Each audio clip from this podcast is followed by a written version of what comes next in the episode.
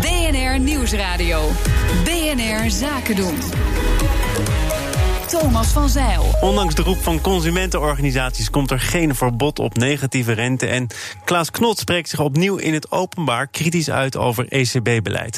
Het zijn allemaal onderwerpen voor het economenpanel van deze week. En dat bestaat uit Marieke Blom, hoofdeconoom bij ING, Valentijn van Nieuwenhuizen, Chief Investment Officer bij NN. En Lucas Daalder, Chief Investment Strategist bij BlackRock. Mijn zakenpartner is Elske Doets van Doets Reizen. Welkom allen. Goedemiddag. Laten we beginnen met sparen en of dat nog zin heeft. Eh, de beslissing van Wopke Hoekstra is geen verbod op eh, het rekenen van negatieve rente aan spaarders. Volgens de minister van Financiën is dat op dit moment niet nodig. Onder andere de Consumentenbond had er in een brandbrief eh, nog wel om gevraagd. Brandbrief ook gestuurd naar de minister. Marieke, en dat verbod komt er dus voorlopig niet. Is dat een opmerkelijke stap of is dat het enige juiste dat Hoekstra kan doen? Nou, waar Hoekstra natuurlijk naar kijkt, is wat is het effect van die lagere rente uh, op, uh, op spaarders, op de economie. En hij heeft advies gekregen van DNB. En DNB heeft eigenlijk gezegd: doe het maar niet, stel maar niet zo'n verbod in. En waar ik vooral naar zou kijken, is ja, op welke manier werkt nou dat ECB-beleid met die steeds dalende rentes. Op welke manier werkt dat nou door op de economie? En spaarders kunnen daar een stukje van de puzzel zijn, maar ze zijn eigenlijk maar een relatief klein stukje. Ja, nou, kun je dat als, als bank dan ook niet uitleggen dat je door ECB-beleid gedwongen wordt om met hele lage rentepercentages of met negatieve rente te werken? Vraag ik me af. Nou, ik, voor iedereen is denk ik duidelijk dat de rentes op dit moment dat die heel sterk te maken hebben met het ECB-beleid. En de ECB heeft zelf eigenlijk nog uitgelegd uh, twee weken geleden dat waarschijnlijk hun beleid ongeveer 1,6 procent punt van de rente afgehaald heeft. Dus dat het daarmee te maken heeft, dat is denk ik wel redelijk duidelijk. Tegelijkertijd is ook duidelijk dat de Hoekstra ook te maken heeft met het sentiment onder spaarders. Ja, en dat, dat sentiment wordt onder andere vertegenwoordigd door de Consumentenbond. Zegt namelijk Nederlandse spaarders dreigen de rekening te moeten betalen voor het rentebeleid van de Europese Centrale Bank. En als je het zo stelt, kun je afvragen: ja, waarom dan eigenlijk? Waarom moeten de spaarders dan de rekening betalen? Nou, wat het monetaire beleid doet, is invloed hebben zowel op de spaarrentes als natuurlijk op de leenrentes. Dus wat je tegelijkertijd ziet, is dat het een, een hypotheek bijvoorbeeld veel goedkoper heeft gemaakt. Hè, dus dat de uitleentarieven uh, ook enorm gedaald zijn. En dat ook bedrijven zich veel voordeliger kunnen financieren. En dat heeft natuurlijk zijn invloed op de economie. En de, de doelstelling van de ECB is om daarmee te zorgen dat het aantrekkelijker wordt om geld te lenen en minder aantrekkelijk wordt om geld te sparen. Ja. Dat moet ervoor zorgen dat er meer uitgegeven is wordt. Toch nog niet het dat geval, moet uiteindelijk de inflatie aanjagen. Want ik heb het idee, ik heb ook CEO's hier al te gast gehad en ook al elders wel gehoord dat er ook een soort sentiment is. Oh, die rente is laag, er is kennelijk wat aan de hand. We moeten het allemaal toch maar op de bank houden, want uh, voor slechtere tijden is het goed om, om dat toch te blijven doen. Het is niet zo dat mensen het meer gaan uitgeven, toch? Nou, dat is de kracht waar je inderdaad tegen opwerkt. Wat je ziet onder consumenten is dat de spaarquote, dus het percentage van het inkomen wat zij sparen, dat is de afgelopen jaren ongeveer gelijk gebleven. Dat is veel hoger dan voor de crisis. Dus voor de crisis ontspaarden mensen gemiddeld genomen. Ze consumeerden eigenlijk meer dan er aan inkomen binnenkwam. En na de crisis is dat helemaal omgedraaid. Dus mensen sparen nu meer dan er, he, of ze geven minder uit dan er binnenkomt. Dat is heel erg opgelopen. En in de afgelopen jaren, als je daar een trend in zou moeten ontwaren, dan is dat als percentage van het inkomen een klein beetje aan het dalen. Dat heeft er waarschijnlijk mee te maken dat het ietsje beter gaat met de economie. Maar het is nog steeds zo dat, het dat mensen meer minder uitgeven dan wat er binnenkomt. Dus ze sparen meer dan ze vroeger deden. Ondanks dat het weinig oplevert op je spaarrekening in ieder geval. Valentijn, wat vind jij van deze stap van minister Hoekstra om voorlopig even niks te doen? Wat betreft een verbod? Nou. Uh, dat, dat vind ik niet verbazend. Uh, kijk, we hebben het nu eigenlijk vooral een discussie over ECB-beleid en macro-economische gevolgen. En dat eigenlijk de economie niet meer zo werkt als dat we allemaal leerden in onze studieboeken. Namelijk toen leerden we als de centrale bank de rente verlaagde, dan zouden bedrijven meer gaan investeren en consumenten meer gaan spenderen en zou dat de economie weer aanjagen. Rente is alleen maar tien jaar lang gedaald. Ja. Je ziet investeringen stagneren en je ziet uh, uitgaven stagneren. Daar zit wat anders achter dan uh, het al dan niet bepalen dat negatieve rentes niet mogen door de minister van Financiën. Um, en los van wat verder precies je analyse is, heb ik grote vraagtekens bij of je een verbod op negatieve rentes door de overheid dan de oplossing van het probleem is. Nou ja, laat ik zeggen, dat lijkt me niet de oplossing van het probleem. Dus er wordt wel over nagedacht, wordt onderzocht in landen hier dichtbij. Ja, dat is allemaal prima, maar je vraagt wat ik ervan vind. En, nou, niet eens, maar ja, toch wel, volgens mij heb ik wel gevraagd. Nou ja, maar ik denk dat als je er wat aan wil doen, dan kan je er van allerlei dingen aan doen. En daar kan het minister, ministerie van Financiën ook allerlei dingen aan doen. Bijvoorbeeld uh, nadenken over het uh, verbreden van hun investeringsagenda, om, anders omgaan met hun overheidsfinanciën. Um, ze worden betaald om te investeren in de toekomst van hun land. Uh, zijn allemaal mooie redenen om misschien te proberen de economie of het gedrag van consumenten en bedrijven in de economie te veranderen. Maar verbod op negatieve rentes lijkt mij niet de oplossing voor het probleem. Laten we het rondje even afmaken. Lucas. Nou, ik denk dat uh, de Nederlandse Bank en het ministerie van Financiën eigenlijk gewoon alle twee uh, gekeken heeft van uh, hoe staan de banken erin. En de banken die hebben eigenlijk vrij duidelijk aangegeven, nou ja, op, op dit moment gaan we nog niet uh, echt uh, met negatieve rentes uh, aan de slag. Op dit, nou, ze zeggen alle, op dit allemaal, moment, ja. net zoals Ja. de minister van Financiën overigens, op dit moment Ja, erbij. Ja. Ja, dat klopt. Maar goed, uh, juist omdat die woorden op dit moment er zijn, uh, is dit ook nog niet het moment om te zeggen van goh, we gaan een verbod instellen. Nee. Uh, het is heel sterk, bij de banken leeft volgens mij heel sterk de angst, als wij de eerste zijn, dan verliezen we alles. We krijgen veel meer negatieve publiciteit dan dat we er ooit voor terugkrijgen. ik denk dat als je op een gegeven moment een paar banken hebt die die stap gezet zouden hebben, dat je dan wel degelijk. ja, maar dat ze niet omdat nee. ze dan de eerste zouden zijn. Nee, klopt. Dus, zit je dat, dus, dus zit je nog in een. Dus de pijn. Er zit nog, nog, moet het gaan doen. er zit nog onvoldoende pijn in het systeem om het op dit moment te doen. Dat is, dat is, dat is mijn uh, interpretatie. Volgens mij is dat ook een beetje de, de afdruk van de Nederlandse Bank en het ministerie van Financiën. Dus zeggen ze, nou, we houden ons handen er lekker vanaf. Waarom moeilijk doen als het uh, zo ook goed gaat? Ja, nou was hier vorige week de CEO van de Volksbank die precies dit zei. Voor volgend jaar rekenen we zo. En wat daarna gebeurt, dat weten we niet. Nee. Maar ze hebben ook een klantenonderzoek gedaan. En wat bleek, er was helemaal niemand voorstander van negatieve rente. Nee, ja, wat, wat, ja, precies. Maar wat, wat zeggen dit soort klantenonderzoeken dan? Want ja, als je het aan mensen vraagt, zeggen ze allemaal van... sorry, jullie moeten mij geld geven in plaats van dat ik jullie daarvoor zou moeten betalen. Nou ja, dat zegt in ieder geval dat de kans dat die rentes negatief gemaakt worden niet zo groot is. Want als alle klanten het niet willen, is de weerstand om dat voor een commerciële bank om dat in te gaan stellen natuurlijk groot. Ja. Uh, neem niet weg dat uh, de, de, enorme spanning wel ontstaat vanwege het feit dat er in de kapitaalmarkten negatieve rentes zijn. En dat je bij de ECB als een, als een bank zijn, uh, zijn extra besparingen naar wegzet, dat er negatieve rentes zijn. Ja, maar dat, kun je toch, dat zou je dan toch kunnen uitleggen? Of ben, is, is dat te veel gevraagd?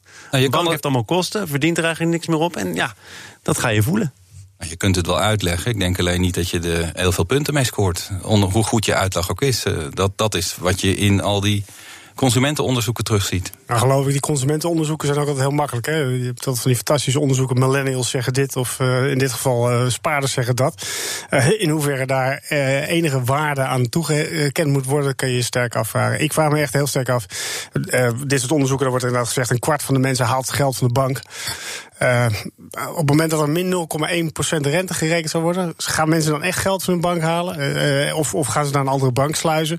De moeite dat je eerst weer contact moet opbouwen met een andere bank, alle papieren rompslomp. Dus jij denkt die negatieve rente wordt echt wel geaccepteerd? Nou, ik zou zeggen, als je, als je, als je de, de, nu een, een, teen in het water dipt en een licht negatieve rente introduceert, denk ik dat de pijn niet heel groot hoeft te zijn. Denk maar nogmaals, dit is niet waar dat, ze zitten. Dat de gevolgen wellicht beperkt zouden zijn als je er wel mee gaat rekenen, negatieve rente? Nou, dat, kijk, wat je ziet in die grafiekjes, als je kijkt naar de afgelopen jaren, naar de besparingen van consumenten, dan zie je dat die zich eigenlijk redelijk onafhankelijk gedragen van wat de spaarrentes doen.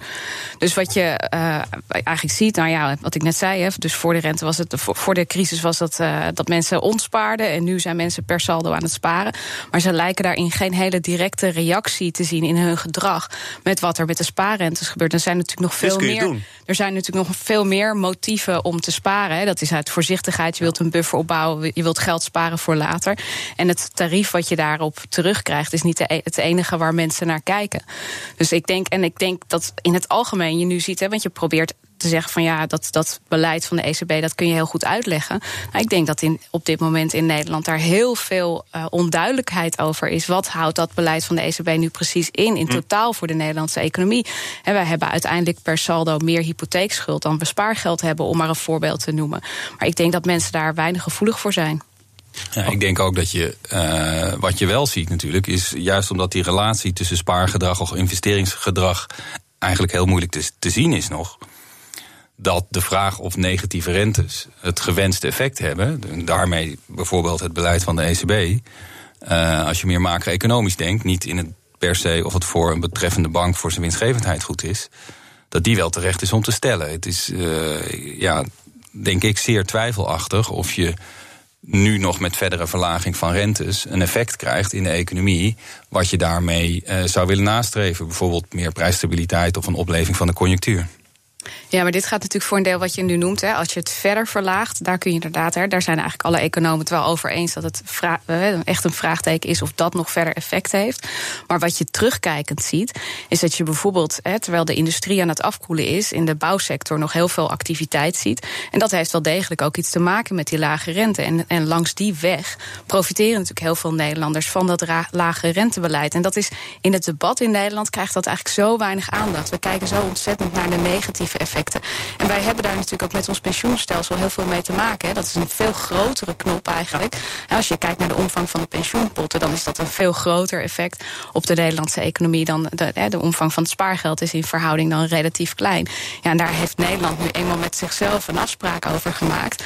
Als wij zien dat de rente daalt, dan spreken we met elkaar af dat we dus moeten rekenen met een grotere verplichting en dus minder pensioen mogen uitkeren en meer premie moeten betalen. Dat is een typisch, en dat is een Nederlandse afspraak. Heb je een andere afspraak gehoord, Valentijn? Want nou, je hoofd doet het een beetje vermoeden. De afspraak is voor pensioenfondsen dat ze er rekening mee moeten houden als ze net ook de waarde van hun verplichtingen berekenen. Als ze die netjes afdekken uh, en hun renterisico goed Wat managen. Wat ze niet altijd gedaan hebben. Dan is het geen enkel probleem dat de rente stijgt of daalt. Kijk, en als ze een bepaald risico in hun balans opnemen waarin rentedalingen negatieve effecten hebben op hun uh, dekkingsgraden, omdat hun verplichtingen dan meer waard worden, dan ontstaat het probleem. Dus dat heeft eigenlijk nog niet eens direct af te maken met de afspraken die we in Nederland gemaakt hebben over ons pensioenstelsel heeft ook te maken met in welke mate de renterisico's worden afgedekt. En dat is een individuele keuze voor de fondsen zelf. En dat is een individuele keuze voor verschillende fondsen. Overigens is dat wel een discussie die eigenlijk alleen maar in Nederland plaatsvindt. Hè? Als je buiten Nederland kijkt, uh, Duitsland, Frankrijk, Italië, daar wordt eigenlijk helemaal niet over het hele pensioenprobleem nagedacht op die manier. Misschien omdat ze een minder groot pensioenprobleem hebben? Sorry, nou niet het probleem, nou. de manier hoe het verrekend wordt. Dus de, de, de, de, de, de zeg maar de. Nou ja, in Frankrijk wordt er toch wel over nagedacht? Of in ieder geval. Het ja, interessante is dat het eigenlijk omgekeerd is. Als je nou naar Japan kijkt, naar Amerika, naar de meeste andere Europese landen, is het Nederlandse pensioenstelsel veel steviger, veel beter gedekt dan in al die andere landen. Alleen zijn wij, en dat zijn inderdaad wel de afspraken hier, heel transparant om precies te meten hoe groot de eventuele tekorten in de toekomst zouden, zouden kunnen zijn als je het nu uitrekent naar het hier en nu. En dat, voor, ja, dat creëert deze discussie. Terwijl in andere landen laten ze de problemen eigenlijk. Uh, ja, met, daar, daar, daar, daar kijken ze niet te veel naar. En die laten ze doormodderen. Dat komt wel een keer terug, maar niet vandaag of morgen. BNR Nieuwsradio. BNR Zaken doen. Het economenpanel is te gast en bestaat uit Marieke Blom van ING, Valentijn van Nieuwenhuizen van NN en Lucas Dalen van BlackRock. Mijn zakenpartner is Elske Doets van Doets Reizen. En we gaan het hebben over Klaas Knot, want die heeft zich opnieuw openlijk uitgesproken over het beleid van de ECB. Hij vindt dat de ECB zich niet primair moet richten op klimaatdoelen. Eerder zei de nieuwe voorzitter van de ECB, Lagarde, juist nog dat klimaatverandering zeker meegewogen gaat worden bij het uitstippelen van de nieuwe ECB-strategie. Zelfs de kern wordt van haar missie, van haar beleid. Uh, Lucas, jij was bij het moment dat uh, Klaas Knot zich hierover uitsprak. Wat heeft hij nou precies gezegd? En zegt hij eigenlijk wel zoveel meer en anders dan Lagarde? Nou, volgens mij niet echt. Uh, hij zegt het primaire doel is uh, inflatiedoelstelling. Uh, als je dat gezegd hebt, dat is ons enige doel. mogen we daarnaast nog iets doen? Ja, er is een artikel 127. daarin staat dat we ook al het beleid wat bijdraagt aan de, de, de doelstellingen van de Unie, als we die kunnen ondersteunen zonder dat het het primaire doel schaadt, mogen we dat ook doen. En dat kan je dus inderdaad zeggen van nou, dat milieu past daarbij. Je kan ook denken aan werkloosheid. Dus in principe laat het de ruimte om inderdaad wat, wat uh, naast je, je puur inflatiebeleid ook nog ander beleid te voeren. Maar daarmee botst die dan dus niet echt met Lagarde? Nee, nee dat zou ik ook zeggen. Lagarde die legt het accent misschien een, een, iets wat anders. Uh, en misschien pakt de pers het iets wat anders op. Maar, oh ja, uh, ja, hoor, zijn ze weer. ja. Nou, we kunnen natuurlijk altijd vijanden zoeken van dit beleid. Want, want Jens Weidman uit Duitsland heeft er volgens mij wat steviger opvattingen over wat de ECB wel of niet moet doen op klimaatveranderingsvlak, toch? Ja, nee, klopt. Dus het is ook niet, het is ook niet een, eh, een, eh, een suggestie waar iedereen even. Dus daarom denk ik ook dat, dat Klaas. Uh, ja, de, ja, Klaas, ja, maar nou, meneer Knot, meneer Knot heeft een, een iets ander accent gekozen. Denk ik ook wel in reactie op de, de, de ontwikkeling die je de afgelopen week hebt gezien. Dus Lagarde kwam eerst met van goh, we gaan groen beleid voeren. En vervolgens zie je dat er duidelijk weer wat pushback wordt gegeven. Ik denk dat de echte boodschap is van jongens, ons, ons hoofdbeleid is inflatie. Uh, en dat, dat er daarnaast nog wat ruimte is voor wat andere zaken. Prima, maar we moeten het hoofdbeleid gewoon niet uit het oog. Uh... Zijn het inderdaad accentverschuivingen, veranderingen wellicht, hoe je het precies interpreteert. Maar Marieke, is er niet zoveel aan de hand? Nou, ik denk, uh, wat je met name. De, de, de, ECB is natuurlijk ook toezichthouder op banken. En je ziet dat ook vanuit die toezichthoudende rol er steeds meer gekeken gaat worden naar klimaatrisico's. Dus dat betekent ja. ook stresstesten, bijvoorbeeld op de risico's voor banken voor eh, klimaatimpact op hun businessmodel, op hun risico's. Dus ik denk dat vanuit die insteek, ja, lijkt het me eigenlijk heel logisch, heel erg te verwachten dat de ECB daar uh, meer aan zal gaan doen. Of ze het hier zullen gaan doen, weet ik minder zeker. Kijk, wat je, wat je wel kunt zien is dat in dat huidige opkoopbeleid uh, is er eigenlijk een voordeel voor grote, zeg maar, fossiele reuzen mm-hmm. die een hele goede kredietwaardigheid hebben. Want dat is juist waar dat opkoopbeleid vooral op uh, inspringt. En door het opkopen van dan ja, obligaties van die bedrijven worden de financieringskosten juist voor die grote fossiele bedrijven dan eigenlijk lager gemaakt. Dus het lijkt objectief, maar je trekt ze voor. Nou ja, dat, dat kan er hier onderdeel van zijn, inderdaad. Omdat hun risicoprofiel dus nu anders is, anders wordt gemeten. En daar gaat deze discussie over.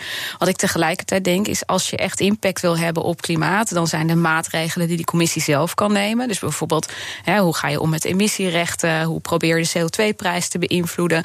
Wat voor subsidies geef je eigenlijk voor onderzoek naar, naar nieuwe technieken? Dat daarmee een veel groter effect kan bereikt worden dan met die financieringskosten van fossiele bedrijven. Daarvoor zijn ze nu met z'n allen in Madrid. Ja, precies. Nee, dus daar wordt ook hard aan gewerkt. Hè. Dus je kunt je voorstellen, hè, misschien wordt er gekeken naar een breed pakket waar dit onderdeel van is. Maar ik denk de grote stappen zet je uiteindelijk via regelgeving, via normering, via verboden, via eh, CO2-beprijzing, noem maar op. Daar zit denk ik de grootste impact in op klimaat. Hoe groot schat jij die invloed van de ECB in?